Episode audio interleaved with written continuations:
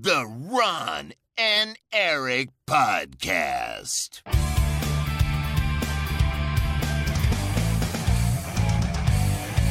Double kill. Hallo en welkom bij de Ron en Erik podcast. De podcast van Ron en Erik over videogames. Dit is eh, aflevering 439.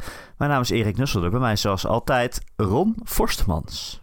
Yo, welkom allemaal. En eh, speciale gast vandaag, eh, onze grote vriend en collega van Gamer.nl, Marcel Vroegrijk.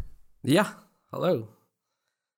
Welkom Hallo. bij jullie eigen podcast. Ehm, ja, welkom in onze eigen podcast. Ehm, fijn dat je er bent, want eh, we hebben je Ja. natuurlijk weer met reden uitgenodigd. Tenminste, elke reden is een goede reden om Marcel uit te nodigen. Maar eh, niet alleen Ja, ben je onze Overwatch-correspondent. ik heb mezelf... Hij heeft zichzelf ja, uitgenodigd. d- Ja, laten dat we... is wel waar. Het is wel even goed om, om hier eerlijk over te zijn. Het is al waar. Marcel heeft af en toe een uitlaatklep nodig. Ja. Eh, maar je bent onze Overwatch-correspondent. Er is ook heel raar nieuws over. Daar gaan we het zo over hebben. Maar ja, het is eh, eigenlijk allemaal eh, Zelda wat de klok slaat. Iedereen speelt Zelda Tears of the Kingdom. Zo ook Marcel Vroegrijk. En Zelda is een bijzondere game voor jou. Hé, hey, wat spontaan dat je dit eh, aansluit, eh, Erik. nee, nu niet meer. Ja, nee. Vertel. ehm, ja, vertel. Nee, ik heb eh, afgelopen... wat zal het zijn? Nee, vorige week vrijdag. Op de dag dat Zelda uitkwam... Hè, dat is handig om te onthouden... ehm, heb ik mijn vriendin ten huwelijk gevraagd. En dat had eigenlijk te maken met, met Zelda Tear, Tears of the Kingdom. Ehm, want... Of toch eigenlijk ook met Breath of the Wild. Want wij hebben elkaar dankzij Breath of the Wild leren kennen. Ehm, luisteraars van de podcast kennen ongetwijfeld wel eh, Laatscherm, de website uh, die twee en een half jaar heeft gedraaid en mooie verhalen over games schreef. Ehm, ik was daar de eh, eindredacteur van, basically. Ehm, en op een gegeven moment hadden we op Twitter een oproepje geplaatst van... ja, wilde er iemand komen schrijven? Eh, en dan specifiek ook, zijn er vrouwen die een verhaal te vertellen hebben? Eh, en daar reageerde mijn vriendin op. Eh, nou, toen kende ik haar nog niet natuurlijk. Ehm, en zij stuurde een heel mooi verhaal in over hoe Breath of the Wild haar door haar break-up met, van haar vorige relatie heeft eh, geholpen. Vond ik zo'n mooi verhaal dat ik ook gelijk gevraagd heb van... hey, wil je vaker voor Laatscherm schrijven? En zo zijn we een beetje aan de praat geraakt en eh, nou ja, lang verhaal... Nou ja, lang verhaal, valt wel mee, maar eh, we zijn nu meer dan vijf jaar verder... En toen kwam Tears of the Kingdom uit. En toen leek me dat eigenlijk wel een mooi moment om, eh, om haar te vragen. Dus ik heb de Collector's Edition 's ochtends bij Coolblue opgehaald. Eh, toen is Erik zo lief geweest om zijn huis open te stellen... zodat ik even een grote switcheroo kon doen... en die Collector's Edition voorzichtig open kon maken. En even wat van mijn eigen dingetjes in doen. Eh, en eh, nou, toen maakte zij niets vermoedend de Collector's Editions eh, open... en toen zat daar een briefje van mij in. En eh, Daaruit eh, vloeide een aanzoek voort. En, eh, oh, ze heeft ja gezegd trouwens, ook nog wel belangrijk. ja, Ja, ik wilde echt net een grap maken, Ja. maar het was wel heel moeilijk voor iedereen eh, toen ze nee zei. Maar ja, Het was niet zo... was het niet zo dat ze die Collector's Edition open dacht en dacht... Ja, wat, waarom zit hier nou een ring in? Hup, weg de wee. ik wil die zie je game achter, om er, over de schouder zo weggooit. Ja, nee, dat was mijn eer- oorspronkelijk idee was om inderdaad de ring in... Er zitten ook speltjes in die, eh, in die Collector's Edition. Maar ik dacht, ja... Wat is het precies, die Collector's Edition? Ja, ik heb geen er idee. zitten drie van die pins in, dus de speltjes. Er zit een artbook in, een steel case en... Ver, ja, verder niet zo... Het gaat vooral om die artbook. Dat is wel echt mooi hoor. Het is wel echt een indrukwekkend en een groot boek ook. Ehm, maar ja, ik dacht, ja, die, die pins, die gaat zij, dat doosje gaat ze niet eens openmaken. Eh, dus ik heb echt gewoon een briefje pontificaal bovenop gelegd. Dus ik dacht, ja, dat moet ze wel zien. Ehm, maar goed. Dus dat. Dus dat eh, was... Ja, eh, voor mij was eh, Tears of the Kingdom... de launch day was eh, om eh, verschillende redenen bijzonder. En daarna hebben we uiteraard ook... ja, de afgelopen week hebben we alle twee echt in een eigen ruimte... gewoon hetzelfde zitten spelen. Ehm, en Zoals dat is, pas, ge, ja, pas verloofden dat doen. ja, precies. Zo, zo hoort het. Nou, we spreken elkaar volgende week weer dan, hè? ja. ja, Nee, het, ja, wat cool. het was wel vaak gewoon iedere, iedere ochtend, want we hadden ook vrijgenomen. Toen was het iedere ochtend, nou doei. Ik spreek je eh, later, I guess. Oh. Apart op vakantie in Hyrule. Ja. ja, in huis eigenlijk Mhm. ook. Ja, grappig. Ja, over het special editions trouwens gesproken. Ik zag de Japanse special edition van deze game en die is fucking wild. Daar zit het Master Sword in. Holy Wow. shit. Heel zwaar. Die is echt fucking cool. maar goed. Ehm, ja, nou, dat is, eh, dat, is, eh, dat is heel mooi. Maar ik vind Ja. het ook gewoon echt mooi dat jullie... eh, want ik, ken- ik, ik ken jou uh, verloofde ook als iemand die heel erg van games houdt Mhm. natuurlijk. Dus dat is eh, een mooi gebaar, man. Oh ja, sorry. Was, het, nu, was je zenuwachtig? ik moet nu mijn verloofde zeggen, inderdaad. Nou, hoeft niet. Ja, maar- verloofde. Ja, was, je, was je zenuwachtig? Nou, nou ja, nee, het, het feit van ja, ik wist wel dat ze ja ging zeggen. daar, daar maakte ik me niet druk over. Maar de dagen ervoor was wel dat ik inderdaad echt gewoon dacht. Met name ook met ja, Cool Blue. Hè, they, they came through. Maar ja, bij de PS5 Ja, hebben ze ook nee. 80.000 pre-orders aangenomen. En ze kregen er drie of zo. Dus ja, ik dacht, het is leuk en aardig dat je mijn pre-order hebt geaccepteerd. Maar, maar heb je hem ook? Dus ik had ze ook van tevoren Ja. gebeld van, ja, kun je er iets over zeggen? Want die snapt, ik had ook uitgelegd waarvoor het was. Dus ik snap dat het wel iets belangrijker is dan gewoon de zoveelste gamer die, die een Collector's Edition wil hebben. Ehm, Ja. Maar daar konden ze niet echt iets over melden. Dus daar zat ik vooral mee. Dat ik dacht van ja, shit, als dat nou niet doorgaat. Ehm, en het was nog een beetje gehannes, want ze had zelf ook de Collector's Edition besteld. Ja, ik, ik kon natuurlijk dan wel zeggen van... hé, hey, nee, doe niet joh, je krijgt hem van mij. Maar ja, als Coolblue vervolgens niet levert... dan heeft ze nul Collector's Editions. Dus dat kon ik ook niet echt maken. Dus daar zat ik een beetje mee te hannissen van ja... eh, maar goed, zij, die van haar moest met de post komen. Dus ik had zeg maar een paar uur voorsprong. Want onze postbode komt hier altijd eh, pas eh, begin avond. Dus ik dacht, nou, dan heb ik in ieder geval een, een, volledige een acht uur aan, aan voorsprong. Dat ik in ieder geval mijn editie dan aan haar kan geven. Met het idee van, nou, dan mag jij eerder spelen. Dan wacht ik wel op die van jou. Ehm, dus dat precies. was een beetje nog, eh, hoe zeg je dat? Uitvogelen hoe ik dat precies wilde doen. Maar het is allemaal goed Nou, gegaan. leuk, het was hoor. heel mooi. Nou, En eh, daarna hebben we lekker Zelda gespeeld. Ja, nou gefeliciteerd namens alle luisteraars. Ja, ja. En mezelf. Luisteraars. zeker. Ik vind het, Nee, eh, Als we het over ik vind Zelda het hebben... superleuk. Ja, laten we het over Zelda hebben. Als we het over Zelda hebben, moet ik even twee dingen kwijt. Want eh, het eerste is zeg maar... eh, ik vond het heel leuk om alle lof over mijn... Of lof, de reacties op mijn recensie te lezen. en dat jullie het een leuke review vonden. Eh, ik wil iedereen die zegt dat een 10 voor perfectie staat... een eh, Lego-blokje in zijn woonkamer toe eh, wensen. Waar die op gaat staan in het midden van de nacht komende week. Hoe kan je nou een 10 even geven als er een minpunt stond, Ron? Ja, hoe kun je nou een 10 geven als er een minpunt staat? Dat kan toch niet? ik ben slim. ik ben zo slim dat ik dat weet. Dat ik eh, het nodig vind om hem te DM'en op Instagram. Van, hey gast, Echt, eh, dat? die recensie die je hebt geschreven... over de site waar jij 15 jaar schrijft... ehm, je weet, je had een minpunt erbij staan, man. En er staat een 10 bij, dat kan niet, man. Ja. Kan niet, want dat is een Alsof perfecte jij- game dan. Alsof jij dan Dus dat kan denkt van, hey shit joh, je hebt gelijk man. Echt gewoon, oh, Ja, je daar had heb ik gelijk, helemaal ja. niet aan gedacht. Ja, Het is Ja, een dat half dat niet. eh, nee, dat is, eh, nee, nee, dat is ik al. Vijf jaar fout ge- gerecenseerd. Dat, eh, Je had ook nee, niet, Dat is wat eh, al gemist, dus thanks. Je had ook niet 10 pluspunten, dus hoe kan het dan een 10 zijn? Als je Ja, 11 maar punt geen 10 pluspunten hebt en één minpunt, oké, maar... Ja. Iemand zei ik van ja, ze hoeven nooit meer Zelda games te maken, want dit is de perfecte game. Ja, ja, klopt. Dat is precies wat mijn recensie ook zei. Ja, Ja. ja heel knap hoe mensen, dat, eh, hoe mensen zich eh, in zo'n positie manoeuvreren. Maar goed, oké, dus dat. hey, hè, geen frustratie verder. Helemaal niet. Helemaal niet gefrustreerd, gefrustreerd erover. Totaal niet. Eh, verder hebben, ik zit nu op 180 een uur, 190 volgens mij. Ja.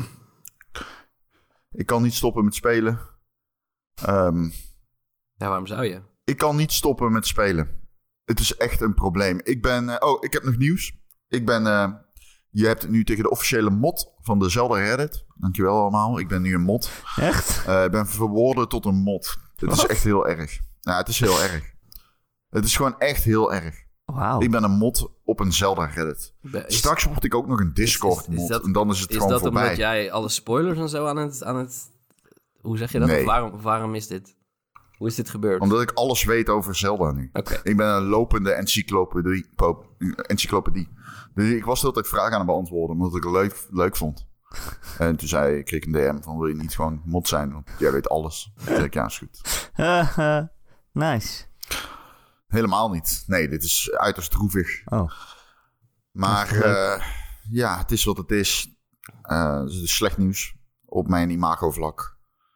Eh, maar Marcel, jij hebt hem ook gespeeld, toch? Uiteindelijk komt... Breinrot komt voor ons allen, Ron.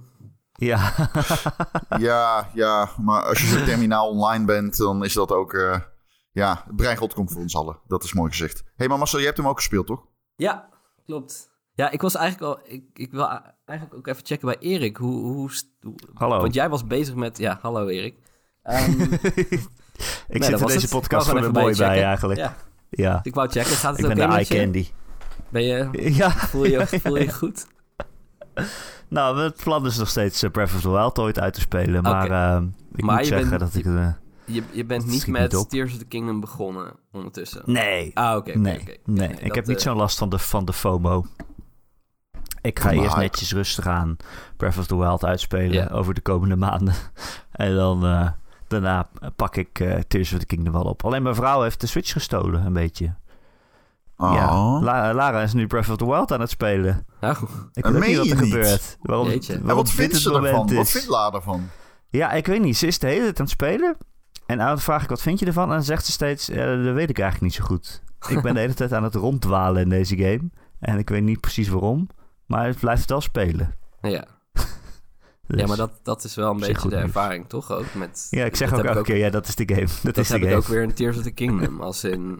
Het, het- ja, ik, ik, ik heb... Vorige week heb ik, ben ik drie dagen lang heb ik geprobeerd om naar een bepaald dorpje te gaan. Eh, en pas op dag drie, eh, om eh 11 uur s'avonds, is het gelukt om er te komen. En dit, dit kenmerkt zich door de, iedere keer dat ik zeg van... Oké, nu ga ik echt naar dat dorpje. En ik denk, ik ga geen enkel afleiding. Ik ga nu gewoon, ik zet een, een marker op mijn map en ik ga er meteen naartoe.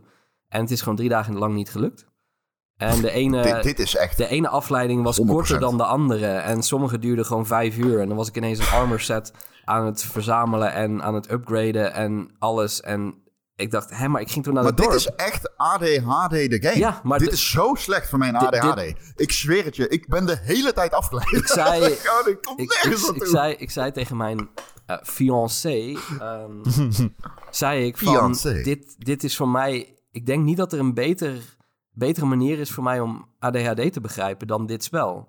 Want ik, ik ervaar nu hoe eh, ontwrichtend het kan zijn, en dan natuurlijk wel binnen de veilige spelwereld, dat je een plan hebt en dat het gewoon niet lukt om het te doen, omdat er altijd iets, zeg maar, om aandacht schreeuwt, waar je dan denkt, oh nou, ja, dat ga ik dan doen. En dan ben ik daar helemaal op gefocust en dan is het acht uur later.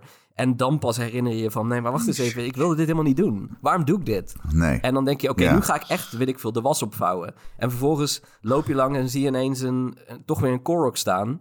En dan denk je, oh ja, ja, dat moet dan nu. En dan ben je vergeten dat je de was wilde opvouwen. Ja, dat is precies hoe het gaat. Ja. Of, oh, ik moet even al mijn cork seats upgraden voor mijn pouch. En dan, ah, dan sta je in dat dorpje en dan zie je opeens zo'n ding dat je de grond in kan. En dan ga je daarin. En, oh, man, man, man. Ja, ja soms... Hij, eh, Marcel eh, ja. appte mij eh, een week geleden of zo. En zei hij, ja, ik zit op een draak en ik ga nu de grond in en ik weet niet waar ik heen ga. Wat gebeurt er allemaal? En ik ervoer dat moment gisteren ook en ik had gewoon precies hetzelfde. ik wist niet wat er gebeurde. Ik raakte in paniek. Ik zat op een fucking draak. dat was echt een mooi moment.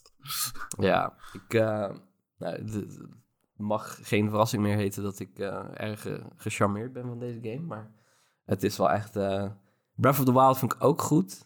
Overigens, die heb ik gespeeld ook dankzij mijn verloofde. Want ik was zelf gestrand in The Great Plateau.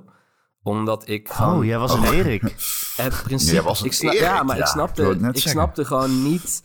Ik, ik, ik zag gewoon niet de, de, de nieuwe spelregels die de game eigenlijk overduidelijk, eh, overduidelijk maakte. Zoals: hey, eh, je kunt nu ingrediënten verzamelen en koken. En dat is wel nodig, want dit is toch een soort survival game ook in bepaalde opzichten.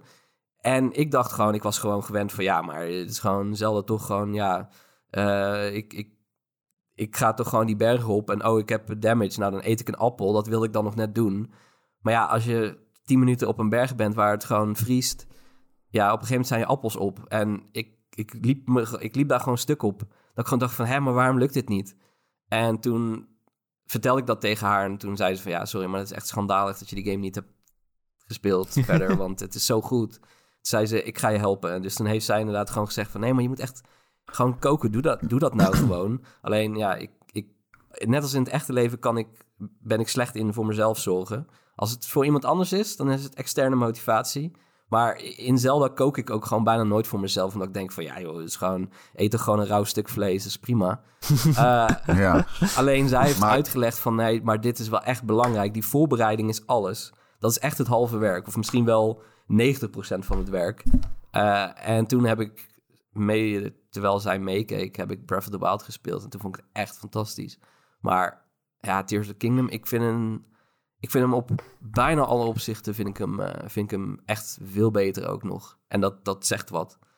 Maar het is zo Het is speel, insane eigenlijk. Hè? speels. Alles is, is zo, zo insane. joyful. En Maar het is zo insane dat dat Nintendo gelukt is. Ja. Ik kan daar nog steeds met mijn hoofd in bij. Ik zag een tweet ook van iemand van... eh, die zei van, ja, wat mensen gaan leren van deze game... want dat is wat ik ook in mijn recensie schrijf. Dit is echt een game waar ontwikkelaars naar gaan Ik- ik kijken. hoop het. En waar ze en respect voor gaan krijgen. Omdat het gewoon... Het doet zoveel bizarre dingen die je eigenlijk niet meer ziet in het gamelandschap. Qua op die schaal. In innoveren. En in playtesting denk ik met name.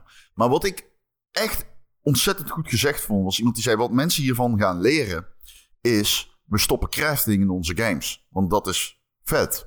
Maar wat ze moeten leren, is hou je teams bij elkaar. ja, Want dat is precies wat het is, man. Nintendo houdt die teams fucking waterdicht.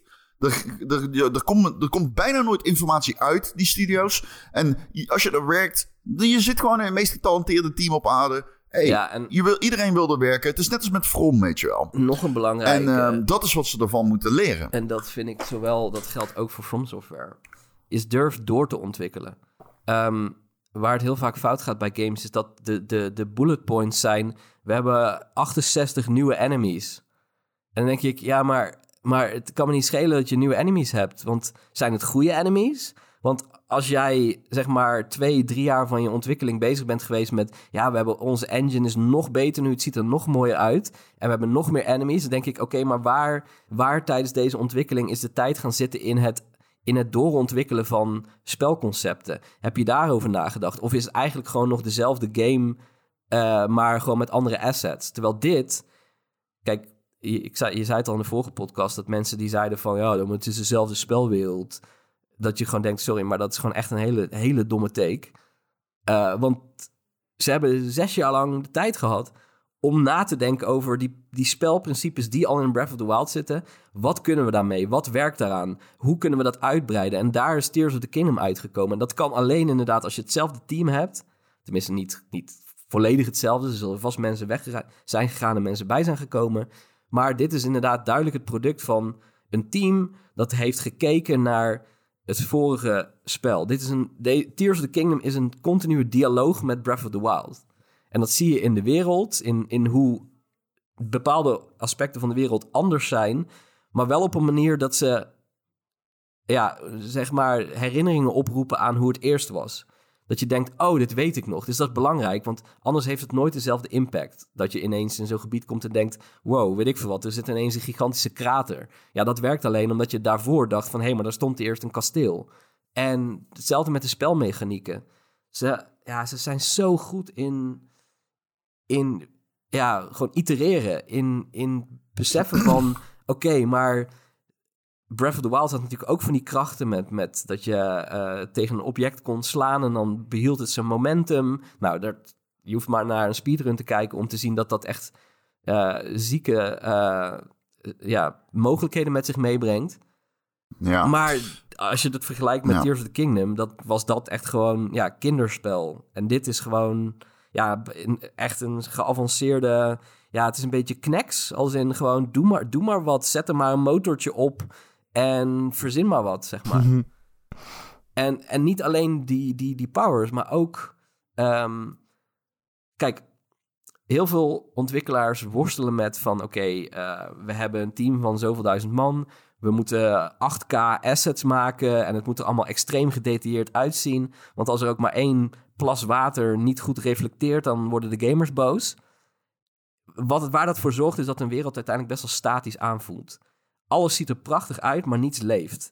Terwijl in deze game eh, vind ik de interactie met de spelwereld. En dan niet alleen met objecten, met weet ik veel wat, een, een, een raket die je ergens aan vast kunt binden. Maar ook de interactie met personages. Als jij sidequests hebt, dan gebeurt er heel vaak dus iets dat jij... Jij geeft een object aan iemand of, of iets in de wereld verandert. En dat maakt dat die wereld gewoon echt tot leven komt. Je voelt dat je daarin leeft. Door al die effecten van vuur dat zich verspreidt, et cetera. Dat maakt het dat het gewoon echt... Ja, het voelt gewoon heel erg echt. En dat, heb je, dat, dat ontbreekt gewoon in heel veel moderne games. Omdat, daar, ja, ik snap het. Als jij zoveel tijd moet besteden aan het prachtig maken van de wereld... Ja, je kunt dat niet interactief maken dan. Daar is gewoon geen tijd, daar is gewoon geen tijd voor. En dat is met dit team en deze graphics, dat is het grote Ehm. voordeel van Nintendo. Ja, ik blijf even doorratelen hoor, ik ben zo klaar. Ja, ik Ehm, was... met Nintendo, die teams, die ontwikkelteams zijn Eh, maar- kleiner. oh ja, je blijft serieus Ja, door. nee, ik blijf echt- ik blijf echt door, Nee, nee, is goed. Oké. Die, die kunnen nog kleiner zijn omdat zij niet eh, die, die fidelity van, van zeg maar de assets en wat dan ook, dat is allemaal in die zin ondergeschikt bij, bij dit team. En dat maakt dat zij zich volledig kunnen richten op, maar hoe zorgen we ervoor dat deze wereld ja, interactie heeft, dat objecten met elkaar interacteren, dat mensen fysiek in de wereld zijn, dat alles een effect heeft op, op al het andere. Nou, dat. Klaar. Is Breath of the Wild nu, eh, nu overbodig dan eigenlijk wel? Eh, ja, allemaal van wel die een beetje. Ja, er is nul reden om terug te gaan naar Breath of the Wild als je Tears of the Kingdom aan het spelen bent. Maar het is natuurlijk altijd de initiator, weet je wel. Het is eh, de voorganger. Dus ik denk ook als je naar de, gewone de momentum kijkt van games, dat het gevoel dat je iets had, dat je iets aan het spelen was en dat je dacht, wow, dit is wel echt heel bijzonder. Dat is bij eh, Breath of the Wild groter dan bij Tears of the Kingdom. Maar het is wel een monumentaal gevolg, eh, vervolg in die zin dat het gewoon echt bijna het onmogelijke presteert. Maar goed, dit hebben we de vorige week al eh, uitgebreid besproken. Dus eh enfin. Ik vind het wel mooi dat echt iedereen het nu over deze game heeft. Zelfs mensen in mijn omgeving waarvan ik niet echt door heb dat ze gamen. Of zeg maar, die niet per se onder mijn gamevrienden per se geschaard moeten worden. Die, die, die kopen een Switch er- ervoor. Of die zijn het aan het spelen. Of die hebben die, die zitten memes te delen van mensen die rare dingen, die monster trucks hebben gebouwd en zo. Het is wel zo'n game die ineens de, de hele zeitgeist heeft overgenomen. Ik weet niet hoe jullie dat ervaren, maar Ja, het, is, eh, het is wel een ding. Ik heb ook het idee dat, ja, als je zo'n video ziet van, ja, ik zag al van een, een soort korok aan een brandend kruis. Dat, dat Wow. zou me dan misschien juist afschrikken. ik denk, wat voor disturbing Oh. dingen gebeuren hier. Maar zo'n, zo'n, ja, weet ik veel wat, een monster truck inderdaad. Of iets dat, een of andere onmogelijke constructie die, die toch de overkant haalt. Ehm, als je dat ziet, ik, mij, ik vind dat heel uitnodigend. Ik zou denken van, oh, dit is, ja, dit is wat, wat ik me voorstel bij een, een spel. Kijk, als iemand mij een screenshot stuurt van eh, de light levels van Destiny of iets, weet ik veel wat, als ik het goed zeg. Ik, ja, ik, ik kan me daar dan als iemand die niet game, denk ik dan geen voorstelling bij maken van oké, maar wat is hier leuk aan? Terwijl als je zo'n monster truck ziet die ondertussen ook nog in de fik staat of weet ik veel wat, dan denk ik, oh, eh, dit klinkt, dit ziet er fantastisch uit, ik wil dit proberen. Ik denk dat het dat, dat gewoon is. Ja, en je kan ook letterlijk alles maken. Dus dan, Ja. ja. Dus je kan al gauw een raar filmpje maken en dat op internet zetten. En dan, ik bedoel, dat kan je in Destiny niet. Dat je ineens een, weet ik veel wat je al, allemaal gebouwd hebt. Dat gaat natuurlijk niet. En hier kan je ook je, echt je eigen, je eigen creativiteit in kwijt. Ja, Nintendo Ja, is gewoon heer maakt en meester in ja, ja, spel. Als in, je, je, je zou denken dat voor iets wat games heet, dat het gaat om spelen. Maar het speelelement, het letterlijk de betekenis spelen, die zit vaak amper meer in games. Het is, ja, Het is dit is al geworden. spelenderwijs. Spelenderwijs is gewoon het woord voor Tears of the Kingdom. Als in je probeert, je speelt met dingen en je experimenteert en je denkt, oh, ik heb hier iets van geleerd. Dit ga ik de volgende keer inzetten. En daar zijn ze gewoon heel goed in. Ik denk dat dat eh, tot iedereen's, bijna iedereen's verbeelding spreekt. Ja. Ron, heb jij veel mensen in jouw omgeving nu die, die het nu spelen waarvan je denkt, oh, ik wist- niet dat jij dit wilde doen. Eh, jawel. Ik zat in de trein. Ja, ook eh, bekende gamers gaan met de trein, dames en heren. Oh, natuurlijk- weet je. Je kan gewoon Ron de Forstemans tegenkomen in de trein. Maar voor. ik zat in de trein en iemand die was de game aan het spelen op zijn Steam Deck over. Ja. maar die was die game aan het spelen. En ehm, Oh. die, eh, ik vroeg zo van, waar ben je? En eh, ze zei, ik, eh, ik ben ongeveer op de helft nu. Want ze wisten al het einde en zo. Ze had al zo uh, geleakt gekregen. Hmm. En ehm, de, eh, die vertelde van haar vriend had die game dan voor haar eh, geregeld. En ze zei dat dat haar eerste Nintendo game was. Dat vond ik wel bijzonder. Maar het is denk ik een heel geschikt inderdaad moment om in te stappen in Zelda ook. Ondanks dat ik vind dat je absoluut Breath of the Wild eerst moet spelen. Omdat het gewoon de ervaring veel beter maakt. Maar ehm, ja, ik heb toch wel mensen in mijn omgeving die hem spelen, ja. Ik uh, merk ook wel dat er heel veel hype is. Er is echt heel veel hype. Virale hype ook. Omdat mensen die op TikTok kom je steeds meer filmpjes tegen van deze game. Alle streamers kijken het. Hè. Op dit moment, ik zit te kijken naar mijn Twitch directory. Het is, op dit moment heeft het uh, 45k spelers. Dat is meer dan, uh, dan Valorant. En GTA 5 ja. wordt toch echt qua roleplaying alleen al vaak dat soort cijfers haalt. Dus dat is wel echt, uh, ja, dat is wel echt bijzonder, man. En het is ook wel echt typisch Nintendo, man. Om uh, zo of de box te denken dat ze met dit soort mechanics gewoon hele simpele dingen heel erg, heel erg veel diepgang geven. En dat, dat is wel de kracht van inderdaad gewoon goed speelgoed. En dat is ja. iets wat Nintendo toch altijd wel meer inziet dan andere ontwikkelaars. En dat, dat maakt het denk ik wel uh, aantrekkelijker voor mensen die wat weinig gamen. Om dit gewoon op te pakken en mee aan de slag te gaan. Ja, ja dat denk Ja. ik wel. Maar ze zijn daar ook gewoon echt goed in. Ik bedoel, van die games die echt de zeitgeist pakken of zo. Of zijn. Je had natuurlijk Animal Crossing in coronatijd. Dat werd ook al zo, zo gigantisch groot. En iedereen deelde dingen en was het aan het, aan het streamen en samen aan het delen. En dit is nu weer zo'n game. Ja, ik weet niet. Ik wil, ik wil maar zeggen, wij hebben het vaak over PlayStation en Xbox. Wat die is- allemaal uithalen in deze podcast. Maar Ja. eigenlijk is je Nintendo kijkt, gewoon ja, maar, beter. maar, zeg maar, Sony, Sony in, play, in Japan stelt niet zoveel, heel veel voor. Microsoft natuurlijk ook niet. Het is echt, eh, Japan is echt gewoon Nintendo, weet je wel. En eh, met Switch heeft eh, Nintendo zowel de, echt gewoon een grip gehad op en, en de Japanse markt, hè, die vooral 3DS gefocust was en handheld. Want het is echt een handheld markt. En, ehm, en op de westerse markt. En dit soort games, die zijn zo. Die, dit, dit, dit, dit kan allebei, weet je al. Dit is wel in, in, in, in Japan is dit een uiterst aantrekkelijk concept. En in het Westen een uiterst aantrekkelijk concept. Deze game gaat ook gewoon lachend Game of the Year pakken. Ja. Misschien wel Game van de generatie.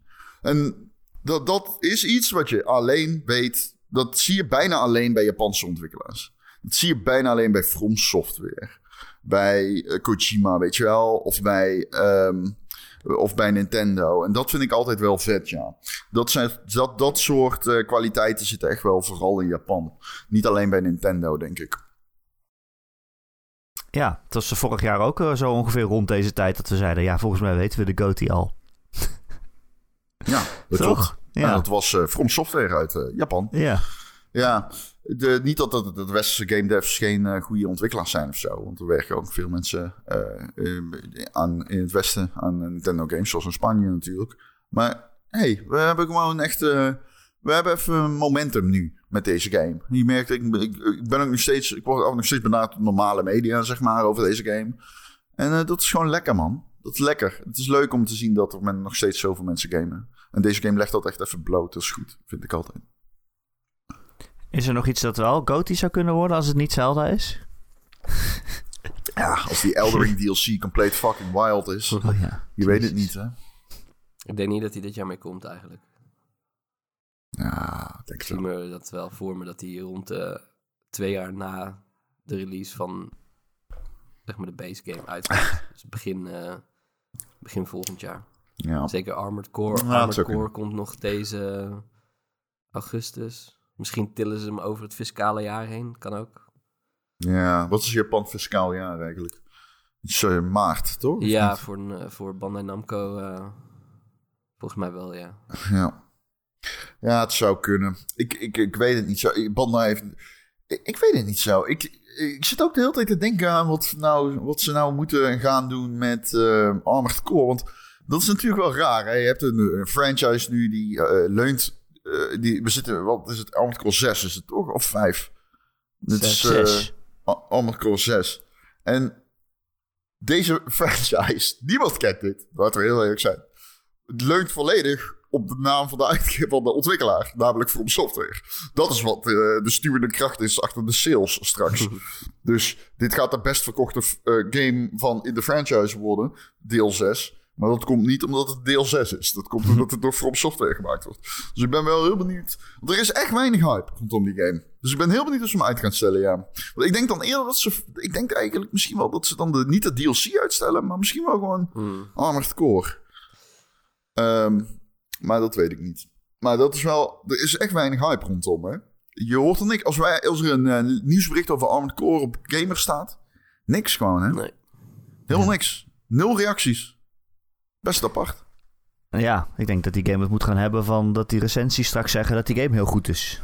Laten we het En ook. natuurlijk heel veel recensies gaan koppen met de Elden Ring maker doet het weer of zo. Maar ja, alleen als die game goed is natuurlijk. Je het Ring in Space? Vraagteken. Ja, precies. Elden Ring in Space. Elden Ring, ja. maar dan mechs. Ja. Ja. Huh? Houd je van Transformers? Houd je van Elden Ring? De marketing schrijft zichzelf. Ja. Eh. nou ja, we, Vati heet hij gaan toch? Vati het heet hij toch? van... Vati, eh, ja, we gaan het horen van onze Armored Core expert Ron Forstemans in augustus. Dat is waar. Dan ben jij, eh dan ben jij waarschijnlijk moet ik hem wel Ik ben, eh, ik ben Bas ingestapt bij Demon's Souls. Ik ben, eigenlijk ben ik een late adopter. Jij was, eh, jij was er vroeger bij. Ik was er vroeg bij, ja. Ik heb ook eh, meerdere tentjes gemaakt die onder het IP van Ja. From eh, lagen toen. Ehm, ah, dat klopt, ja. Alleen dat wist ik niet, want toen hield ik geen rekening met de uitgevers en ontwikkelaars zoals ik nu dat eh, wel doe. Dus ik had geen idee wat From was. Maar ehm, ja, dat klopt. Ik eh, zat een filmpje te kijken van Vati. Eh, dat is een YouTuber die veel dus From content maakt. En die, die, had, die heeft ook veel ervaring blijkbaar met eh Armored Core. Die had 1,5 uur durend filmpje waarin hij de trailer ontleed. En ik raad iedereen aan om dat te kijken, want oh, dat is Ik echt was zo daarvoor- goed, man. Hij eh, les, Ik had die gameplay video gezien wel, van die, die paar minuten die ze uitbrachten toen ze de release datum bekend maakten. En ik keek het en dacht ik, oké, dit ziet er wel nice uit, maar ik weet niet of dit nou per se voor mij is. En toen keek ik zijn ontleding en toen, ja, hij legt gewoon heel goed eh, uit wat de precieze onderdelen van die game zijn en waarom dat zo belangrijk is. Dus inderdaad, het customization van je Mac, dat dat heel erg bepaalt hoe zwaar je Mac is. En dat dat weer bepaalt hoe, wat je mobility is. Dus dat je echt een, echt een soort van continue dans hebt tussen van ja, als ik meer shit op een Mac zet, ben ik krachtiger, maar dan ben ik ook logger, et cetera. En dat doet hij gewoon heel goed. Hij, hij, hij laat gewoon heel goed zien van, oh, deze flits in deze trailer, dat wil zeggen dat je waarschijnlijk deze ability hebt. En dat betekent dit en dit en dit. En toen, nou, toen na die video dacht ik wel van, oké, ik, ik, ga ik, wil, ik heb echt zin om hierin te duiken. En dit eigenlijk toen destijds met Demon's Souls ook gewoon proberen te doorgronden. Ik gewoon denk, ik ga hier gewoon goed voor zitten en ik ga gewoon ja, proberen om, om, om door die, door die, ja, noem je dat? Die brei van termen, et cetera, die er ongetwijfeld nog steeds in zitten, eh, om daar doorheen te breken en, en eruit te halen wat, wat erin zit. Ja, ik ben ook wel benieuwd. Maar ja, het komt wel in augustus uit. Het is wel een tijd waarvan ik denk... Volgens mij heb ik dan al 16 games die ik aan het spelen ben. Dan ben ik, Ja, dan ben ik bezig aan Dramatisch. uur 500 in Tears of the Kingdom, vrees ik. Ja, ook dat. Ja, dat Ik ben een beetje ja. bang dat dat eh, de komende maanden en niet weken gaat domineren nog. Maar goed. Nou, ik heb eh, bedankt nog voor de code van eh, Jedi Survivor. Ik kom er alleen niet aan toe. Wat moet ik nou? ik kan niet stoppen met spelen, man. Ik heb gisteren om 6 uur de wekker gezet om Tears of the Kingdom te spelen. Weet je hoe droevig dat Weet je is? Anders geef je die code aan mij en dan koop jij hem daarna gewoon nog een keer. Hoe vind je die? Ja, dat is een goed idee, ja. Eh, zal ik anders gewoon 80 euro naar jouw bankrekening Ja, overmaken? vind ik ook goed. Dat kan ook. Ja, dat is eigenlijk net zo makkelijk. Nee, ja, ik, ik weet niet, man. Ik kan gewoon niet stoppen met die game. En, eh, Is dat niet dat erg? gaat, eh, je, moet, je moet mij ook Als je het kort leuk houden, vindt. Erik. Want anders ga ik gewoon er alleen nog maar over De praten. hele, de komende maanden. En we moeten nog naar komende Overwatch. maanden. We moeten nog naar Oh ja. Overwatch. Zullen we de- ander deze nieuws doen? podcast. We moeten nog naar, naar, naar, naar Sony. Zullen we ander nieuws doen? Want deze woensdag inderdaad, komende woensdag eh, begint de E3. Eh, die is gecanceld. Maar eh, woensdag is, wordt er een PlayStation Showcase uitgezonden.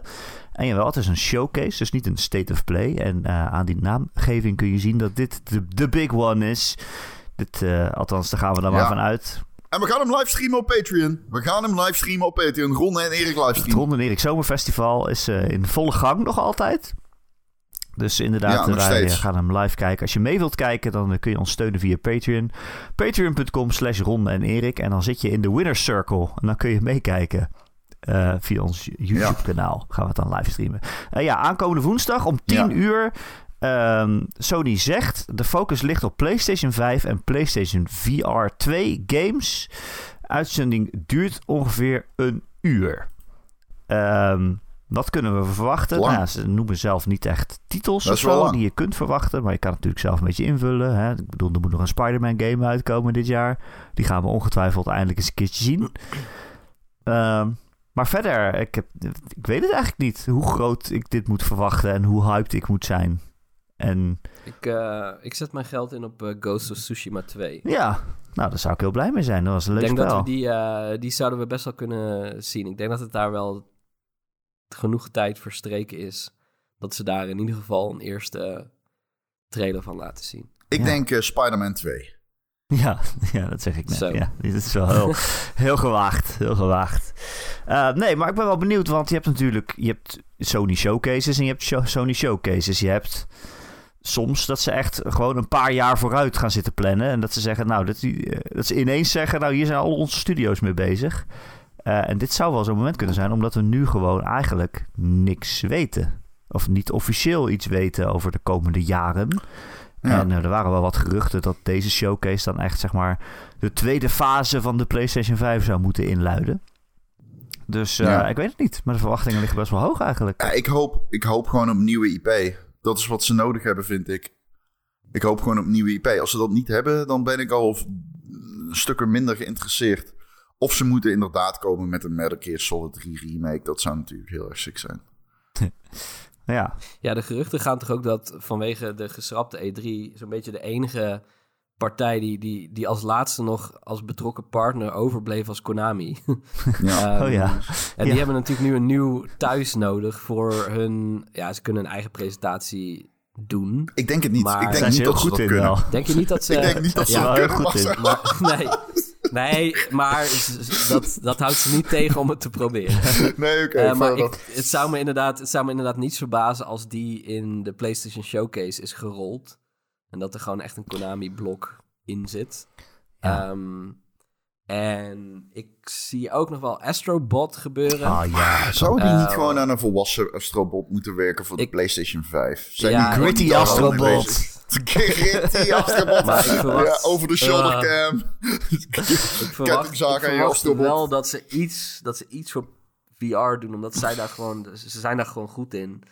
Eh, Ja. Dat is wel wat die, die, die bril nodig heeft. Ja, dat Ik hoop inderdaad zelf ook dat het voor PS5 komt, want ik heb geen PS VR 2 en die wil ik ook niet kopen. Nou, ik woon vlakbij Nee. Marcel. Je bent altijd welkom. Ja, klopt. Als die uitkomt, dan kom ik even langs. Half-Life Alex misschien, wie weet, hè? Het zou kunnen. Ja, maar... Ze hebben eh, iets nodig om die bril te verkopen. Denk hè? je, Dat moet echt, denk je dat anders wordt het ons een groot drama natuurlijk.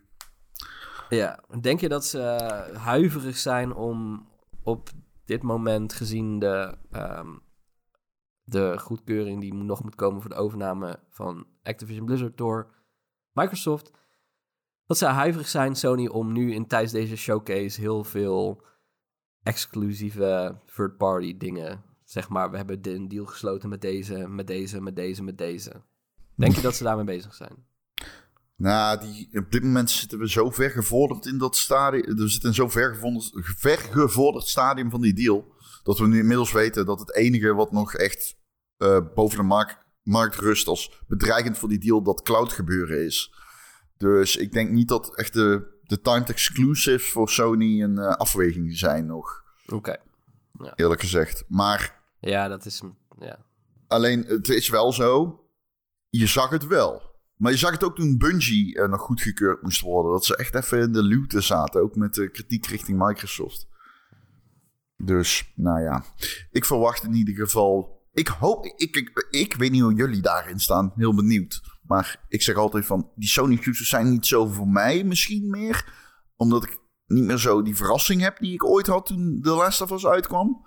En bijvoorbeeld nu als ik dan denk aan... Ja, zouden ze The Last of Us multiplayer tonen van deel 2? Dan denk ik, ja, misschien... Misschien is die gecanceld, I don't know. Maar ook, I don't care. Want ja, het doet me gewoon niet zoveel. Spider-Man 2, ja, vet. Oké, cool. Het zal een geweldige game worden. Dat weet je nu al, want die studio is super getalenteerd.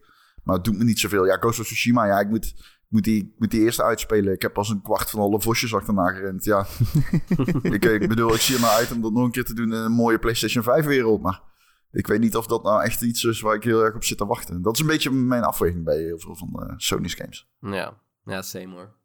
Ik ben inderdaad ook al toe aan een echt uh, iets, iets nieuws. Oh ja, nou ik, zou, ik heb nog steeds heel erg veel zin in Spider-Man 2. Ik bedoel, die eerste vond ik zo goed. Mm -hmm. En als ze dat nu verder uitwerken en uh, uh, ja, nee, ik vind dat wel echt hele goede games. Ik snap wel maar wat jullie zeggen. Stel je nou eens voor dat die studio aan een nieuw IP werkt. Een game ja, Wolverine toch? ja, oh ja.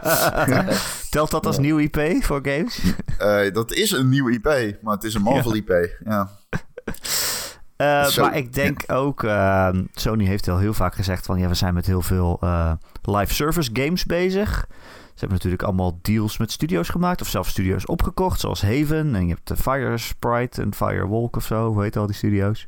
En ehm, daar zou toch ook wel eens een keer iets van getoond moeten gaan worden, of niet? Ik denk dat het nog te vroeg is. Dat, ik ben met Marcel eens. Ik denk ook dat dat te vroeg is, man. Maar we weten helemaal kut, niet wat maar... ze aan het maken zijn allemaal. Boeit dat? Ja, ik ben wel benieuwd. Ja, ik denk wel, als jij zegt, we zijn 10 of 20 live service games aan het maken, dan denk ik wel, ja, waarom zoveel? En wat onderscheidt ze dan? Wat, wat is het idee daarvan? Ja, ik ga jou voorspellen, heel veel van die games, die uh, ga jij nooit van horen dat die door Sony zijn uitgegeven. Dat zijn gewoon van die platformspellen, die was als in platformen, niet platformspellen. Geen platformers. Dat zijn gewoon van die platformen waar jij nooit meer iets van gaat horen. Maar die in China of India of, of Japan. Oh, je denk wel. je echt? Nee, dat denk ik niet. Ze Oh, hebben allemaal van die studio's gekocht en, uh, en uh, samenwerkingen aangekondigd en zo. Oh nee, er zitten wel games aan te komen. En zij willen overduidelijk een stukje van die, van die, van die markt. Maar uh, er zitten ook games bij waar jij nooit iets van gaat horen. Het is niet zo dat de komende twaalf games van Sony allemaal platformen, grote AAA-platformtitels zijn. Als je snapt wat ik bedoel. Nee, die gaan ook niet allemaal met dezelfde hoeveelheid bombari worden aangekondigd tijdens een showcase. Nee. Oh, denken jullie van niet? Vast Nou, één of twee nee. wel, maar de rest... ehm, Maar hoezo, wat denk jij dan? Dat dat ik wel denk van wel. gebeuren? Ja, dat ze zijn hebben al die studio's. Ze hebben al die, nee, nee, ze hebben al die studio's samenwerking aangekondigd. En eh, ze hebben gezegd, we gaan nu focussen ook op eh, live service. Ik denk alleen dat de term van wat wij live service noemen, dat dat misschien wat opgerekt wordt. Dat als je zegt, kijk bijvoorbeeld Ghost of Tsushima, die had ook op een gegeven moment een soort multiplayer functie erin. Dat is er achteraf ingestopt. En heel Ja. veel mensen vonden dat heel erg leuk, want dat kan je ook een soort van live service iets noemen. Ja. Eh, dat soort Oh, dingen denk ik iets meer aan. beter. En ze zijn, Begrijp je nou iets ze beter, zijn ook bijvoorbeeld, of, althans dat zeggen de geruchten, dat er een Horizon multiplayer iets komt. Ehm, en Ja. inderdaad, de The Last of Us multiplayer, eh, die is al aangekondigd. Die hebben ze vorige keer tijdens de Gamescom, was dat volgens mij, Ja, klopt. eh, wat over gezegd. Eh, die, ik denk ook wel dat die ook wel voorbij komt hier, ja. Ehm, dat soort dingen. Oké. Ja, nee, ik begrijp iets beter wat je bedoelt. Sorry. Ehm, dat zou kunnen, ik verwacht dat niet hier. Nee, ja, ik weet het niet. Zoals ik zeg, van, dit zou wel eens zo'n showcase kunnen zijn waarmee ze even de, de mijlpalen voor de komende jaren neer gaan zetten. Want we Maar weten helemaal niet zo heel Wat veel van wat Sony aan het doen is. Wat hoop je? Nou, ja, ik wil weten, ja, weet ik niet. Elke studio, kijk, wat is een Sony Band nu aan het doen, bijvoorbeeld, na Days Gone? Heel even trouwens, slechtste naam voor een studio die ik ooit heb gehoord. Band? Is band, band is een plaatsnaam of? Ja, volgens mij wel, ja. Ja, het klinkt heel raar.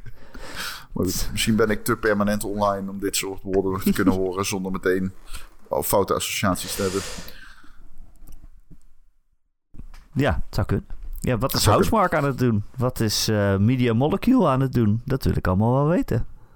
ja, goeie housemark, eh, dat, eh, daar heb ik wel zin in hoor. Nou, Zo. die zijn echt heel goed. Of niet? Returnal, hoe, hoe, hoe verder eh, die titel zeg maar verwijderd is in, in, in gewoon qua het, het verstrijken van de tijd, hoe met, met ja, des te meer plezier en ja, hoe, hoe noem je dat? Ehm, Je denkt er steeds liever aan terug. Ik, kijk, ik kijk er gewoon steeds mooier naar terug. Dat ik denk van, oh, dat was echt een, echt een goede game. Ja, fucking nailed it. Als in gewoon... Het is ongekend PS5 die game... ook. Sorry, oh, pardon. Wat wilde je zeggen? Ja, nou gewoon, gewoon als PS5 exclusive, als een van de eerste, die echt alleen voor de PS5 was. Ze hebben het gewoon echt goed gedaan, die Ja, studio. en, ja, en als je kijkt hoe klein, relatief klein ze zijn... en wat ze hebben neergezet en hoe strak dat speelde... en dat verhaal was interessant. Het gebruik van muziek is nog steeds ongeëvenaard. Ja, echt een cool Eh. Ja, gast. Ja, Ik word zo boos als mensen het over die game hebben. Want ik kan niet geloven dat die game bij mij niet klikte. Letterlijk alles schreeuwt Ron Vosterman ja, dat is wel zo. Het is echt ongelooflijk. En het klikte niet. Maar ik ga hem zeker nog een keer proberen. Want dat moet Ja. ik. Want kom op man. Het is fucking... Ja, het ziet er gruwelijk uit. De storyline is insane. Laat spoilde iemand mij met de soundtrack. En toen dacht ik, no fucking way dat ze dat doen. ja dat, dat moment is echt oprecht. Daar, daar hebben mensen het te weinig over. En, Wat ze eh, daarmee gedaan hebben... ja, nou, we gaan het niet spoilen. Want het is bijna gewoon zonde. Nee, nee, nee. Het is echt gewoon... En toen eh, heeft iemand het verhaal aan mij gespoord. Toen dacht ik, no way. De, en ik moet hem spelen. Ik moet hem spelen. raar. Het Ik verhaal moet is hem heel spelen. Misschien is dat de game die ik moet spelen. Misschien is dat hem. Ja. Ja man, ga Resogun spelen. Nee, hoe heet die? Kut. Returnal. ik doe dit altijd. Jij gaat ook Resogun spelen trouwens. Ge Geometry Wars spelen. ja. ja, nou al die studio's weten we niet wat ze aan het doen zijn. En daar ben ik toch wel benieuwd naar. Ja, en als laatste zeg ik maar vast Persona, Sorry. Persona 6. Doe maar. Ah, Doe maar gewoon. Dat is een leuk bruggetje. Oh, wat wil je zeggen? Erik. Ik wou zeggen, wie ook niet weet wat ze aan het doen zijn, Ron is en Erik. Blizzard. Oh. Oh. Oh, Ja, klopt. Onze eh, Overwatch-correspondent Marcel Vroegrijk. Marcel, schakelen live over naar eh, deze, eh, ja, hoe noem hoe we het noemen? Trainwreck. Eh volgens Ja, mij is Overwatch wel echt een 2 trainwreck. geannuleerd. Kan ik het zo samenvatten? ja, eigenlijk kan je het wel zo stellen, ja. Ehm, laat ik vooropstellen, ik ga ervan uit dat dit absoluut geen beslissing is waar de ontwikkelaars zelf achter staan. Ik denk dat dit iets is wat het gevolg is van, ik noem maar even chronisch mismanagement van die game. Te Te- weinig middelen, zowel medewerkers als geld als weet ik veel wat. Ik denk dat dat het probleem is. Ik- Ja. De ontwikkelaars zelf, die, willen on- die hebben ongetwijfeld dit niet willen doen. Ik zal zo even uitleggen wat er precies gebeurd is. Ja, hoor, maar even voor, vooropgesteld ehm, dat als ik het heb over dat Activision Blizzard eh, deze game aan het verpesten is, dan heb ik het dus niet over de mensen die daar daadwerkelijk die game aan het maken zijn van, Nee. van dag tot dag. Nee, precies. Maar Nou, goed. Wat is er gebeurd? Eh, PvE. Oh, jij ja. gaat het uitleggen. Ik dacht, ik doe even het nieuwsbericht. Ga je gang. Eh, ja. Zeg maar een lang, een lang aangekondigde PvE, Player versus Environment, een verhaalmodus voor Overwatch 2. De Hero modus heette dat. Een soort overkoepelende modus met uh, ja, uh, single player of zeg maar met je vrienden tegen de computer spelen, missies doen en dan ook uh, in niveau stijgen met je held binnen, dat, binnen die modus. En dat hele ding is eigenlijk geannuleerd. Um, er is heel veel moeite in gestopt. Ze, Blizzard zegt, we moeten een moeilijke keuze maken. Stoppen we alle moeite in PvE en hopen we dat we het ooit kunnen uitbrengen? Of blijven we onze focus op de live game richten? Nou, de keuze is dus uh, voor het laatste gebeurd. Ze hadden we allemaal missies gemaakt. PvE-missies, die gaan nu allemaal los uitkomen tijdens seizoenen. Maar dus niet met een overkoepelend verhaal of overkoepelend systeem van uh, helden die in kracht groeien, et cetera. Eigenlijk is de PvE-modus, zoals die is aangekondigd, dus geannuleerd. Uh, ik dacht gelijk ja. aan Marcel, want jij zei heel vaak... ja, de ontwikkeling van Overwatch 1 heeft jarenlang stilgelegen... omdat ze de hele tijd zeiden... ja, ja wij zijn bezig met Overwatch 2, daar stoppen we alles in. En nu gaat dat ja, niet dat, eens door. Dat, dat, was, dat is de, de, jarenlang de wortel geweest die zeg maar bestaande Overwatch-spelers is voorgehouden van... hé, hey, dat het spel nu stil ligt, dat heeft een reden, want op een gegeven moment komt Overwatch 2... En dat wordt echt een aparte game met een PvE-modus. Dat wordt bijna een soort van, ja, dat gewoon co een beetje Destiny-achtig. Daar zijn we mee bezig. Dat, dat slokt gewoon al onze tijd en, en middelen op. Dus ja, hè, heb geduld. Nou, toen werd er op een gegeven moment aangekondigd... hey, uh, we gaan Overwatch 2 toch al in Early Access lanceren... met alleen de PvP-modus. Want het duurt te lang. Als Ja. we nu tijd moeten gaan besteden aan PvE, dan moeten jullie nog een jaar of twee jaar lang zonder nieuwe content zitten. En dat willen we jullie niet aandoen, want we houden van onze fans, whatever. Hè? Begrijpelijk. Ja, aardig. De, de, de, geldkraan was al heel lang dicht bij Overwatch. Uh, en dit was een manier om eigenlijk gewoon te zeggen van... Nou, we, we zamelen alvast geld in, zeg maar. Dat, dat helpt ongetwijfeld om deze game uh, te kunnen blijven ontwikkelen. Nou, PvE zou in 2023, dus dit jaar, komen. Eh, en details daarover volgden dan ook dit jaar. Een paar maanden geleden lieten ze al voorzichtig vallen van... hey, dat idee van dat we alles in één keer uitbrengen... Uh, past niet helemaal meer binnen ons huidige verdienmodel, want dat werkt met seizoenen en die seizoenen hebben een battle pass en die moet je kopen. Dus het was al aannemelijk van oké, de PvE wordt waarschijnlijk een beetje uitgesmeerd, want anders kun je er maar één keer aan verdienen en het liefst doen ze dat natuurlijk iedere keer, iedere zoveel weken. Nou, fair enough. Ook daar kon ik nog wel inkomen. Maar wat ze dus nu inderdaad hebben gezegd is... het hele idee van die talent trees... dat je een hero kon customizen. Je kon bijvoorbeeld een Reinhardt, die heeft een Fire Strike. Dan kon je dan in zijn talent tree... kon je daar een Freeze Strike van maken. May, May die, diegene met die, die ijskrachten... die kon een sneeuwbal worden en, en rondrollen. Al die dingen, die, die hebben ze dus geschrapt. En wederom, dit gebeurt, hè games worden ontwikkeld en mensen komen erachter dat iets niet werkt. En dat is oprecht gewoon moeilijk. En dan moet je de beslissing nemen om te zeggen van ja, maar dit moeten we schrappen. Want dit, als we dit uitbrengen, dan, dan gaat dat mis. Mensen vinden het, het, is niet, het is niet leuk genoeg. Nou, dat doet veel uh, schade aan je reputatie. Dus dat gedeelte snap ik. En uh, sterker nog, Overwatch bestaat alleen maar omdat Blizzard destijds bezig was met een MMO, Project Titan. Uh, en toen kwamen ze eigenlijk achter van ja, dit werkt niet. En toen hebben ze de bestaande personages die ze daarvoor hadden uh, ontworpen, die hebben ze eigenlijk een, een nieuwe invulling daaraan gegeven. En dat is Overwatch. Dus zeg maar, dat is ook niet mijn kritiek hierop ik snap heel goed dat zij erachter kwamen. Ja, wacht eens even. We hebben 36 verschillende helden. Als die ieder drie talent trees moeten hebben met 20, 30 abilities. En we blijven ook nog nieuwe heroes maken. En die heroes zijn we aan het, opnieuw aan het balanceren. Omdat als ze in de PvP te sterk zijn, moeten sommige abilities anders worden. Die moeten we vervolgens weer gaan aanpassen in de talent trees. want die hebben daar ook mee te dat, dat is onmogelijk. Dus dit gedeelte dat ze het schrappen, denk ik. Probably a good idea. Als in oprecht gewoon dat, dat met, ja, dan heb je of 300 extra mensen nodig en daar is het geld uh, niet.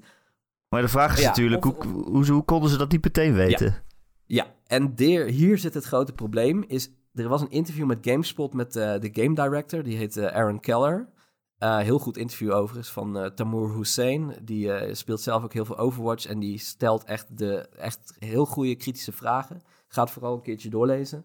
Um, en daarin zegt Aaron Keller ik ga het even quoten. It was about a year and a half ago that we made the decision to really shift strategy.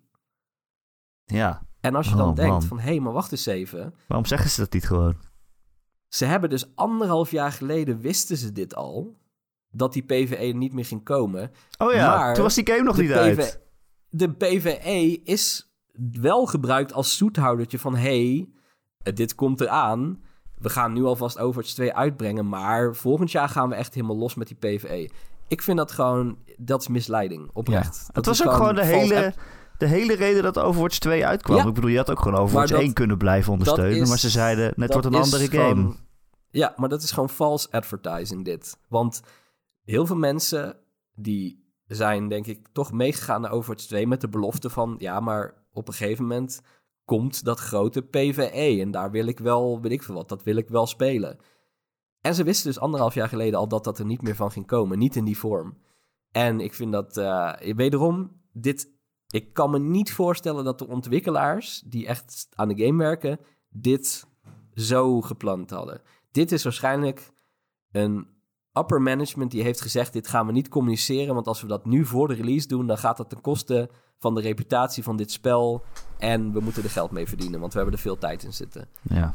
Uh, ja, ik vind het heel zonde. Ga ervan uit dat, ik ga ervan uit dat zij heel hard gevochten hebben om dit toch uh, van de grond te krijgen. En dat dat gewoon niet gelukt is. En dit is denk ik een perfect voorbeeld van het oude Blizzard versus het nieuwe Blizzard. En het nieuwe Blizzard is, ja, dat is gebonden aan, aan Activision en aan Bobby Kotick. geld verdienen. En het oude Blizzard is ja, soms werken we acht jaar aan een game en besluiten we dat het niet goed genoeg is en dan schrappen we het. Ja, dat en dan maken we er een andere game van en dan wordt het Overwatch. kan ook Ja, en dat groeit dan uit tot de beste shooter, zeg maar, basically alle tijden, voor mij, wat mij betreft. Ja, I don't um, Het, het, hele PvE was dat ik dacht, oh, dan ga ik Overwatch 2 ook nog wel even spelen. Dat lijkt mij heel erg leuk. Maar ja, dan, maar ja.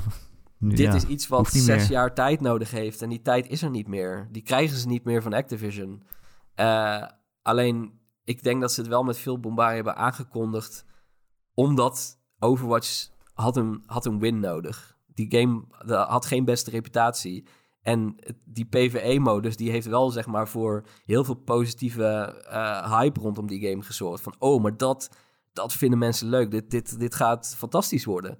Met al die heroes en dat verhaal, er zit zoveel in. Dat is gewoon een Pixar-film, basically. Ja, ik snap ook niet waarom het niet Eh. lukt om daar een game van te maken. Nee. ja, mismanagement, oprecht. Gewoon, ik, ja... Maar Het ziet er zo leuk uit het- altijd. ze Al die gaan dus nog personages. wel... Ze gaan dus nog wel... Ja, maar ze gaan dus nog wel... Een aantal van die dingen die ze gemaakt hebben, die verhalen en missies, gaan ze dan periodiek uitbrengen, maar dan zonder die progressie erin. Dus je hebt dan niet meer dat je je hero kunt customizen of wat dan ook. Klinkt een ja, beetje als van die, PvE. van die losse missies die ze ook met Halloween of zo uitgaven. Ja, Dat had je dat ook eigenlijk het, ook eh, al. Daar lijkt het er meer op, denk ik. Ja, kijk, wie weet heb ik het mis en brengen ze het uit en denk ik, wow, dit is echt heel goed. Je ziet duidelijk dat hier zes jaar aan is gewerkt. Ja, Ehm, maar ik betwijfel het. En het is gewoon misleiding. En eh, dat is, dat wederom, de ontwikkelaars die hebben dat ongetwijfeld niet gewild. Uh, maar hoe dit, Nee. ik, ik vind het een, ik vind het, als ik terugkijk naar Overwatch, is het toch bizar dat die game in 2016 echt revolutionair was. Het was, Het was zo goed. populair. ja. En Het is nog steeds een heel goed nu- spel. ja, maar het is nog steeds een heel goed spel. Maar dat, het spel is zo goed dat het ondanks al die tragedie, zeg maar, nog steeds zeg maar, weet te bestaan. Maar het is ongekend hoe hoeveel er is misgegaan. Dit, dit is toch bijna niet, bijna niet te, te bevatten. Nee, het is heel raar. Maar goed, ja. Eh, het, het- het- ja. Ja, het is terug. We gaan ook nog even naar onze correspondent Ron Forstemans. Ja. Voor een Even heel ander spel. Ron, Mortal Ja? Kombat 1 is officieel aangekondigd. Oh, de, de, de old switcheroo van Overwatch. Ik wilde nog over Overwatch zeggen. Ja, oh, wil je nog wat eh, zeggen? Ja. Nee, ja, ik wilde alleen zeggen, ja, dit Altijd. komt inderdaad ook geld. Dus einde. Ja, Ehm, ja kapitalisme. De, ja, ehm, ik, eh Mortal Kombat 1 is aangekondigd. Dat klinkt raar. Ze doen dus een Battlefield 1, I guess. Of een Xbox One. Ja, eh, ik, ik vind het altijd een beetje raar. Maar ehm, ja, hij komt, oh, hij komt snel, man. Die game komt gewoon over een paar maanden al. 19 september komt hij uit. Ja, voor En eh, dat next is gen. fucking wild. Ja, eh, we zagen een trailer met heel weinig verder. Ik, ja, ze doen een, een, nieuw universum. Ehm, ja, ik zag wat, wat lore dumps in de trailer. Ik bedoel, kijk, ik ben altijd fan van Mortal Kombat. Dus ik ben altijd geïnteresseerd in een nieuwe MK. Ehm, maar dat die zo snel komt, vind ik wel wild. Want dit betekent dus dat we dadelijk een jaar hebben met een nieuwe Tekken, een nieuwe Street Fighter en een nieuwe Mortal Kombat. What the fuck Ja. is happening? Ja, waarom komen die allemaal tegelijk uit Maar- eigenlijk? Ja, uh, Mijn, mijn, mijn, mijn take hierbij is wel dat fighting games... Dat is een, blijft een niche eh, genre. En ik denk dat fighting games eh, floreren bij het feit dat er meerdere fighting games tegelijkertijd zijn. Ik denk dat ze elkaar nodig hebben. Oh ja? Ja, als een soort toch rivaliteit van, oh, weet ik veel wat. Ja, jij speelt Street Fighter, ik speel Mortal Kombat. Ik denk dat dat oprecht voor die markt, die is... Ik denk dat het beter is dat er meerdere zijn voor de gehele markt... dan dat er maar één is, zeg maar, die, die, die zeg maar, de fakkel eh, in zijn eentje moet dragen. Hm. Maar goed. Eh, ja, het is eh, Mortal Kombat 1. Het, zeg maar, ze zeggen het, het universum is reborn of zo. Created by the fire god Liu Kang. Kang. Eh. Dus het is een soort, soort van reboot, maar binnen, binnen het eigen verhaal of zo. Iets met tijdreizen. Is het iets met tijdreizen rond? Ja, gast, het is Mortal Kombat. Is het iets met tijdreizen, zegt hij. Al is het iets met tijdreizen, maar dit heeft te maken met het einde van Mortal Kombat 11. Eh 9 tot 11, ik zeg altijd, zijn uitstekende zit op de bank games met een maat van je. En eh, geef de controle door met een krat bier erbij. Niet een krat bier doorgeven, maar de controle. Dat is te zwaar. Te zwaar. Ja. En ehm, dat is echt heel erg leuk om te doen. En ik zie er op die manier weer naar uit. Maar in Mortal Kombat lore, ja, ik ga er niet eens aan beginnen, joh. Dat, is het eh, eh, Kingdom Hearts van de fighting games? Ja, zeker. 100% de Kingdom Hearts van de fighting games. Ja, dat is echt zonder enige vorm van twijfel. Zelfs. Misschien moet ik die spelen dan. Als je er één leuk vindt, is het Mortal Kombat. Heb je nooit Mortal Kombat 19 of 11 gedaan? jawel, jawel. Maar niet echt zeggen. verhaalmodus eigenlijk. Oh, maar dat, dra dat draaien de games om voor mij. Ik vind dat heerlijk, man. Het gaat zo silly. Mortal Kombat 11 is één groot tijdreisverhaal. Oh Dus, eh, shit. Oh Dat, shit. zo reageerde jij toen ook wel. Zo, oh, Ja, dat is ook zo. Ik heb ook gewoon geen tijd voor al die games, joh. Ja. Het zijn te veel games. hey, weet je waar ik wel altijd tijd voor heb? Vertel. De Ron en Erik podcast. Elke maandagochtend komen we in je horen via allerlei podcast apps en feeds. Als je ergens abonneert, dan eh, zouden we het ook fijn vinden als je een keer een review achterlaat. Aantal sterretjes, bijvoorbeeld op Spotify of op Apple Podcasts. Want dan zijn we weer beter vindbaar voor nieuwe luisteraars. En wil je nou meer Ron en Erik? En ook belangrijk, wil je met ons meekijken tijdens eh, alle grote... eh, ja, ik kan het geen E3-streams meer noemen, want dat bestaat niet. Maar alle grote game-aankondigingsshows. Zoals dus eh, komende, maandag, of komende woensdag de grote PlayStation Showcase. Ron en ik gaan live kijken en eh becommentariëren. En blij worden van alle spelletjes. Wil je ook meekijken, dan kun je ons dus steunen via Patreon. Voor een klein bedrag in de maand. Krijg je dan ook elke week een extra podcast. En deze week gaat hij over... ja, over wat eigenlijk, Ron? Over Dr. Pepper? Het is een hele Waar ging het over? wisselende podcast. Ja, zoals altijd. Eh, je kunt ons steunen via patreon.com slash Ron en Erik. Patreon.com slash eh, Ron en Erik. Oh nee, ik had alle Patreons klaarstaan, maar nu ben ik ze kwijt. Eh, want als je ons steunt voor een bepaald bedrag in de maand, dan word je ook, eh, eh, ja, dat noemen we dan een vriend van de show. En dan eh, verdien je een, Ik, een dikke, dikke shout-out. Ik kan, wel, ik kan wel proberen om ze uit mijn hoofd eh, Ik te weet uit je hoofd. zo vaak gehoord. Eh, Wesley D. ja, dat is het Ehm, einde. Ik heb ze, dankjewel. Oké, dat was, nee, sorry, dat was Betje- het. Betje Fris, Bobby, Christian, Dozen Faces, Grekio, Heisenberg 190, Marky Mark, Mr. Mime, RDK for Life, Recreator, The Rock, The Killing Bean en inderdaad Wesley D. Allemaal Yay! dank voor de steun. Heb je geen geld om aan ons te geven? Geen probleem. We willen je alsnog heel graag zien in onze community, de Ron en Erik Discord. De meest gezellige gaming Discord van heel Nederland. Er zitten meer dan 400 luisteraars lekker met elkaar te kletsen en te gamen. We hebben laatst nog eh, eh, Jackbox gedaan samen. Dat was weer erg leuk. Dat is toch wel, blijft toch wel een van mijn favoriete games eigenlijk. Gewoon Fibbage spelen met z'n allen. Eh, dus dat is heel gezellig. Kom er ook bij. De link die vind je in de podcastbeschrijving. Als je daarop klikt, dan zit je er gewoon in één keer in. Eh, en dat is heel gezellig. Eh, nou, dat was het hele verhaal. Oh nee, daar kan je ook vragen stellen voor de podcast. eh, die we ook, vervolgens allemaal ja. laten opsparen. Tot het moment dat we er tijd voor Er is, hebben. er is net nog eh, hot off the press is er een vraag binnengekomen. Oh, nee. Trouwens. Voor jou? Maar het gaat over, over, gaat over Overwatch 2. Oh, oké. Ik zal hem voor je voorlezen. Knerf zegt, nu Overwatch 2 gecanceld is... denk je dat iedereen die betaald heeft voor de gratis multiplayer... in de vorm van pre-order pakketten... met het uitzicht dat er een PvE zou komen... hun geld terug gaan eisen? Of betaalden Nee. de gamers daar niet voor? Dus ze gaan een geld misschien wel Nou, terug Dus eisen, er maar dan ga je in ieder geval niet er- er terugkrijgen. Nee, er komt ongetwijfeld een petitie en er zal vast ook wel een of andere class action lawsuit zijn die gewoon gedoemd is om te falen. Ik denk niet dat dat eh, enige slagingskans heeft. Nee, want Ja, zat er in helaas. datgene wat je kocht... Zat, Hey, stond, niks van gaan. Ja. Ik moet Ja. noodgedwongen gaan. Oh, oké, we zijn ook klaar. Dankjewel, eh Ron. Dankjewel, Ron. Sorry. heb- Ron gaat gewoon Zelda spelen. Ja, nee, is goed. Veel plezier. Je lekker gaat. Ik heb nog... Erik, blijf jij nog even hangen? Oh ja, Ja. dat is goed. Ik moet er niet voor gaan. Ja, doei, doei, doei, Ja, doei. Oké, doei. Wat? Ik heb, nog, ik heb nog een leuk addendum. Oh, Ehm, ja. Ik speelde, of tenminste, ik speel nu zoveel Zelda dat zeg maar mijn brein bestaat voor 99% ook uit Zelda. Dus ik fietste gisteren eh, door de stad en toen zag ik een, een jochie fietsen en achterop stond een ander jochie. En het enige wat ik kon denken was dat, die, dat ze een soort van die fiets aan elkaar hadden gefuseerd met Ultra. Ik zag gewoon een device zeg maar voor me dat ik dacht, oh hey, dat is, dat is knap gedaan. Nou, Het Tetris-effect. ja. Alles in de wereld is... Eigenlijk, eh, Ja. Marcel, als je erover nadenkt... Alles in de wereld is ook gewoon maar aan elkaar vastgeplakt. Dus, Ja, eh, toch? als je een paar Kijk naar je hebt, huis. Giet, giet er een zak erwtensoep overheen en eh, voor je het weet heb je een schuur. Kijk naar je huis. Het is ook maar gewoon cement en een paar Ja. bakstenen.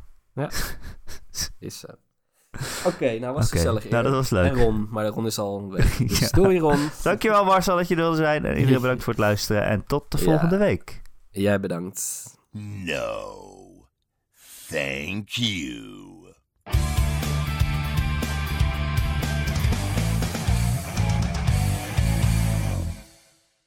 Hey, maar... eh, nee, dit is een imitatie van Marcel. Ja, Hey, eh. Nee, ik kan, ik kan je niet Nee, goed. doe maar. Ik wil het horen nu ook.